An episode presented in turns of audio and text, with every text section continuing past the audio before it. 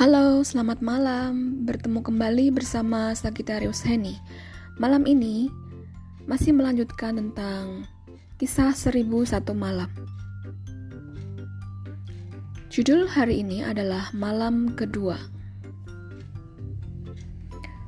Wahai raja yang berbahagia dan bijaksana, dalam cerita pada malam yang lalu, disebutkan bahwa ketika si pemilik anjing mendengar tangisan anak lembu, hatinya menjadi luluh. Biarkanlah anak lembu ini hidup di antara ternak-ternak lainnya, katanya pada penggembala. Saat si pemilik kijang bercerita, Jin Ifrit terdiam takjub. Maka si pemilik kijang pun melanjutkan kisahnya. Wahai Tuan Jin, pemimpin kerajaan Jin, semua peristiwa itu terjadi dan putri pamanku, yakni si Kijang ini, menyaksikannya. Sembelih saja anak lembu ini, sebab tubuhnya gemuk, suruh istriku kepada penggembala. Namun si penggembala tidak sampai hati untuk menyembelihnya. Lalu ia berpura-pura akan melaksanakan perintah istriku. Padahal sebenarnya ia menukarkan anak lembu itu dengan lembu yang lain. Pada hari kedua, ketika aku sedang duduk memikirkan kejadian yang telah kualami selama ini, tiba-tiba si penggembala datang kepadaku. Tuan, aku akan mengatakan sesuatu yang membuatmu senang, kata si penggembala. Baiklah, katakan sekarang juga, ucapku. Aku punya seorang anak perempuan yang telah mempelajari ilmu sihir sejak kecil. Kata si penggembala memulai kisahnya. Ia belajar kepada seorang perempuan tua yang tinggal bersama kami. Ketika kemarin engkau memberikan anak lembu kepadaku, aku membawanya ke rumah. Anakku memandang ke arah anak lembu itu, dan ia segera menutupi wajahnya dan menangis. Kemudian ia berhenti menangis, bahkan tertawa dan berkata, "Ayah, rupanya kehormatanku telah berkurang di matamu, sehingga engkau tega membawa orang asing ke rumah." Aku bertanya keheranan, "Anakku, di manakah orang asing yang engkau maksudkan? Kenapa engkau menangis kemudian tertawa?" Anakku berkata, "Ayah, sesungguhnya anak lembu yang engkau bawa ini adalah anak tuan saudagar, tetapi ia dan ibunya telah disihir oleh istri ayahnya. Itulah yang menyebabkan aku tertawa." Sedangkan sebab aku menangis adalah karena mengetahui ibunya yang juga disihir menjadi sapi betina disembelih oleh bapaknya sendiri. Mendengar penuturan anakku itu, aku merasa sangat takjub. Sehingga belum pagi benar, aku sudah tidak sabar untuk menemui Tuan dan memberitahukan perkara ini kepada Tuan. Mendengar penuturan si penggembala, aku segera berangkat bersamanya dalam keadaan mabuk kegembiraan. Tidak berapa lama kemudian kami tiba di rumah si penggembala. Anak si penggembala menyambut kami dan ia mencium tanganku. Lalu anak lembu mendatangiku bergulung-gulung di hadapanku. Benarkah apa yang kau katakan tentang anak lembu ini? Tanyaku pada anak si penggembala. Benar tuan, ia adalah anak tuan. Ia adalah buah hati tuan, jawabnya. Hai anak gadis, jika engkau dapat membebaskannya, maka segala harta, benda, dan ternakku yang diurus ayahmu akan kuberikan kepadamu. Kataku berusaha membujuknya. Anak si penggembala itu tersenyum. Tuanku, aku tidak mau menerima harta itu kecuali dengan dua syarat. Pertama, engkau harus mengawinkanku dengan anakmu. Kedua, aku diperkenankan menyihir orang yang telah menyihirnya, lalu mengurungnya. Jika tidak, maka aku tidak akan selamat dari tipu dayanya, ujarnya. Aku akan menambah harta yang, yang hendak kuberikan kepadamu, dan darah istriku itu kuserahkan sepenuhnya kepadamu. Kemudian anak si penggembala mengambil mangkuk dan mengisinya dengan air. Setelah itu ia mendekati anak lembu dan memercikkan air ke arahnya sembari berkata, Jika Allah telah menciptakanmu sebagai anak lembu, maka tetaplah menjadi anak lembu. Tetapi, jika engkau telah menjadi korban sihir, maka dengan izin Allah yang Maha Tinggi, kembalilah ke wujudmu semula. Anak lembu itu seketika mengibas-ngibaskan ekornya dan berubah menjadi manusia. Melihat hal itu, aku bergegas mendekatinya.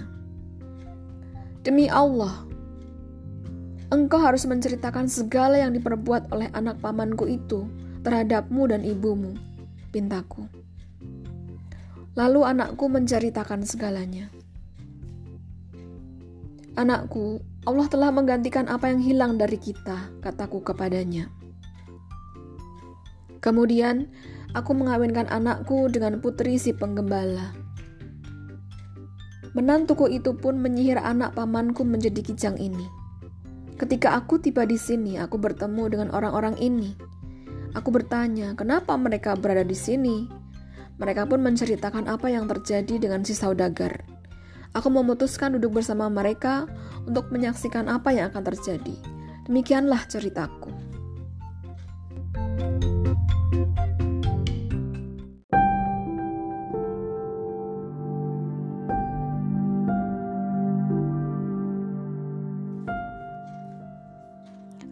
selamat pagi. Assalamualaikum warahmatullahi wabarakatuh. Masih bersama Sagitarius Heni. Pagi ini saya akan membawakan kisah 1001 malam dalam judul berikutnya yaitu Saudaraku menjadi anjing. Ayah kami telah wafat dan meninggalkan uang sejumlah 3000 dinar kepada kami. Dengan uang itu, kami masing-masing membeli sebuah toko. Tidak lama kemudian, kakakku menjual seluruh isi tokonya seharga seribu dinar dan membeli barang-barang dagangan. Ia berencana untuk pergi berdagang ke tempat yang jauh. Setelah mempersiapkan diri untuk perjalanan dagangnya, ia meninggalkan kami. Satu tahun pun telah berlalu. Suatu hari, ketika aku sedang duduk di toko, datanglah seorang pengemis. Aku menolaknya. Apakah engkau tidak mengenaliku? Tanya pengemis itu dengan bercucuran air mata. Lalu aku mengamatinya dengan cermat. Maka aku segera mengenalinya, ia adalah kakakku. Aku pun bertanya tentang keadaannya. Uangku sudah habis dan nasibku sangat buruk, jawabnya. Lalu aku membawanya ke rumah untuk mandi dan aku memberikan salah satu pakaian untuknya. Setelah itu, ia pun beristirahat. Ketika itu, aku memeriksa buku keuanganku dan menghitung keuntungan. Ternyata, aku telah menghasilkan uang seribu dinar.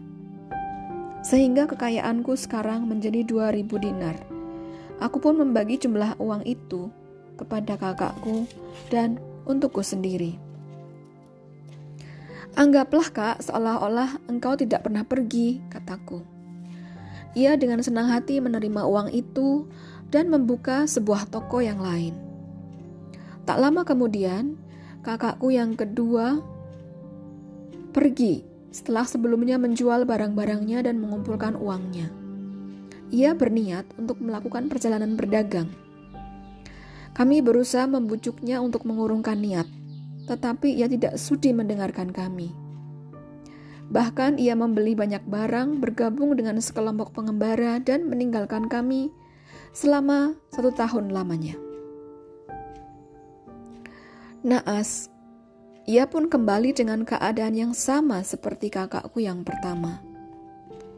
Bukankah aku telah menasehatimu agar tidak pergi, Kak? kataku. Itu sudah menjadi takdirku, sahutnya dengan percucuran air mata. Kini aku telah menjadi miskin dan tidak punya uang sama sekali. Bahkan tidak punya pakaian kecuali yang ada di badanku. Demikianlah wahai jin ifrit, aku segera membawanya ke rumah untuk membersihkan badan. Sementara dia pun menurutiku dan aku memberikan baju baru kepadanya. Lalu aku membawanya ke toko. Aku ajak ia makan bersamaku. Kakak, aku akan menghitung keuntungan bersihku selama setahun ini. Setelah dikurangi modal, aku akan membagi dua keuntungan ini secara adil. Kataku kepada kakakku yang kedua. Setelah kuhitung seluruh keuntunganku, aku kembali memperoleh untung 2000 dinar. Aku bersyukur kepada Allah Subhanahu wa taala dan aku membagi uang itu dengan kakak kedua. Aku memberinya seribu dinar dan aku menyimpan seribu dinar untukku sendiri. Dengan uang pemberianku, ia membuka toko baru. Lalu kami bertiga tinggal bersama untuk sementara waktu. Kedua kakakku mulai membujukku agar mengadakan perjalanan dagang bersama, tapi aku menolaknya. Apa yang kalian dapatkan dari usaha kalian dibanding yang aku dapatkan? Tanyaku. Mereka kemudian tidak mempersoalkannya lagi. Kami pun berdagang selama enam tahun. Tetapi setiap tahun mereka selalu mengajakku untuk mengadakan perjalanan berdagang. Akhirnya aku pun menyerah. Baiklah, kataku.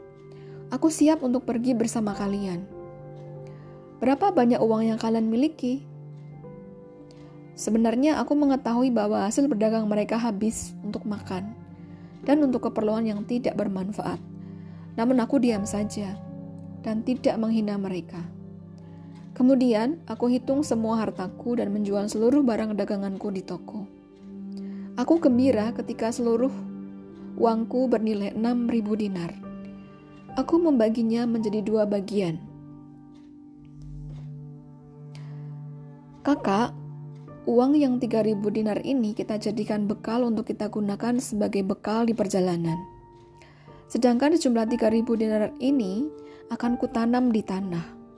Aku khawatir apa yang telah kalian alami akan menimpaku juga maka ketika kita kembali, kita masih punya harta sejumlah 3000 dinar untuk dipakai berdagang. Kataku kepada kedua kakakku. Bagus sekali rencanamu itu, ucap mereka. Lalu aku mengubur uang itu, sementara uang yang ada di tanganku aku bagi menjadi tiga bagian, masing-masing seribu dinar. Kami menutup toko, berbelanja, dan menyewa sebuah perahu besar. Setelah menyiapkan perbekalan, kami berlayar siang malam selama satu bulan. Akhirnya kami tiba di sebuah pelabuhan. Kemudian kami berdagang di kota dan mendapat keuntungan 10 dinar dari modal satu dinar. Keuntungan itu kami gunakan untuk membeli barang-barang yang lain. Ketika kami kembali ke perahu, kami bertemu dengan seorang gadis yang berpakaian lusuh dan compang-camping. Gadis itu lalu mencium tanganku. Tuan, kasihanilah hamba. Semoga Allah akan membalas kebaikan Tuan. Ucap gadis itu mengiba. Aku memberikan uang kepada gadis itu. Aku memberimu uang tanpa mengharapkan imbalan apa pun, kataku kepadanya. Tetapi gadis itu menolak. Tuan, Nikahilah aku, pintanya. Berikanlah aku pakaian dan bawalah aku pulang. Aku ingin menjadi istrimu, dan dengan izin Allah, aku akan memberikanmu keuntungan. Janganlah Tuhan memandang remeh keadaanku yang miskin ini. Mendengar penuturan gadis itu, aku merasa kasihan dan bersedia menikahinya, membelikan pakaian baru untuknya, dan membawanya pulang. Kemudian kami melakukan perjalanan pulang selama berhari-hari. Karena aku sangat mencintainya, aku sampai tidak memedulikan kedua kakakku.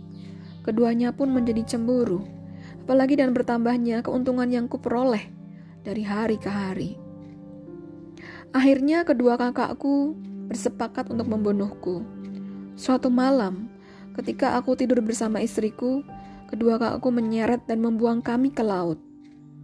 Ketika aku terbangun, ternyata istriku sudah berubah menjadi jin perempuan dan membawaku ke sebuah pulau. Suamiku, aku telah membalas kebaikanmu dengan menyelamatkanmu dari tenggelam di lautan. Sebab aku adalah salah satu dari bangsa jin yang beriman kepada Allah. Saat aku melihatmu di pelabuhan, aku segera jatuh cinta kepadamu lalu menyamar sebagai gadis untuk memintamu menikahiku. Dan aku senang karena engkau memenuhi permintaanku. Kini aku harus membunuh kedua kakakmu, ucap gadis itu. Aku berterima kasih atas kebaikannya telah menyelamatkan aku. Tapi aku merasa keberatan kalau ia hendak membunuh kedua kakakku. Lalu aku menceritakan kehidupan kami dari awal hingga saat itu. Setelah mendengar penuturanku, ia bertambah marah. Aku akan terbang mendatangi mereka, kemudian menenggelamkan perahu mereka hingga mereka mati di laut, katanya seraya geram. Demi Allah, jangan engkau melakukan hal itu. Peribahasa mengatakan, berbuat baiklah terhadap orang yang mencelakakanmu. Apa pun yang terjadi, mereka tetap saudaraku, kataku melarangnya. Akhirnya aku berhasil menenangkan kemarahan istriku. Ia membawaku terbang kembali ke rumahku, dan aku pun diturunkannya di atas atap rumah. Aku lalu turun dari atap, mengambil uangku yang kupendam di tanah, lalu pergi ke pasar, dan kembali membuka toko.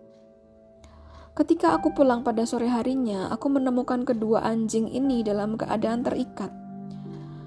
Keduanya menyambut kedatanganku dengan menggulung-gulungkan badannya di hadapanku. Suamiku, kedua anjing itu adalah kakak-kakakmu, ujar istriku dan pengakuannya itu amat mengejutkanku. Siapa yang melakukan ini terhadap mereka? Tanyaku. Aku memanggil kakakku dan memintanya untuk menyihir mereka. Kakakku mengatakan mereka akan kembali ke wujud semula setelah 10 tahun berlalu. Jawab istriku. Setelah memberitahuku di mana aku bisa menemuinya, istriku pergi.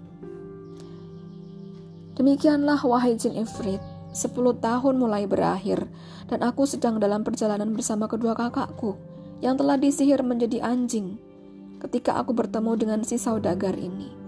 Aku melihatnya sedang duduk-duduk di tempat ini bersama si pemilik kijang. Ketika aku bertanya, mereka menceritakan keadaan mereka dari awal sampai akhir. Aku pun memutuskan untuk menemui mereka, menunggu apa yang akan terjadi antara engkau dan saudagar ini.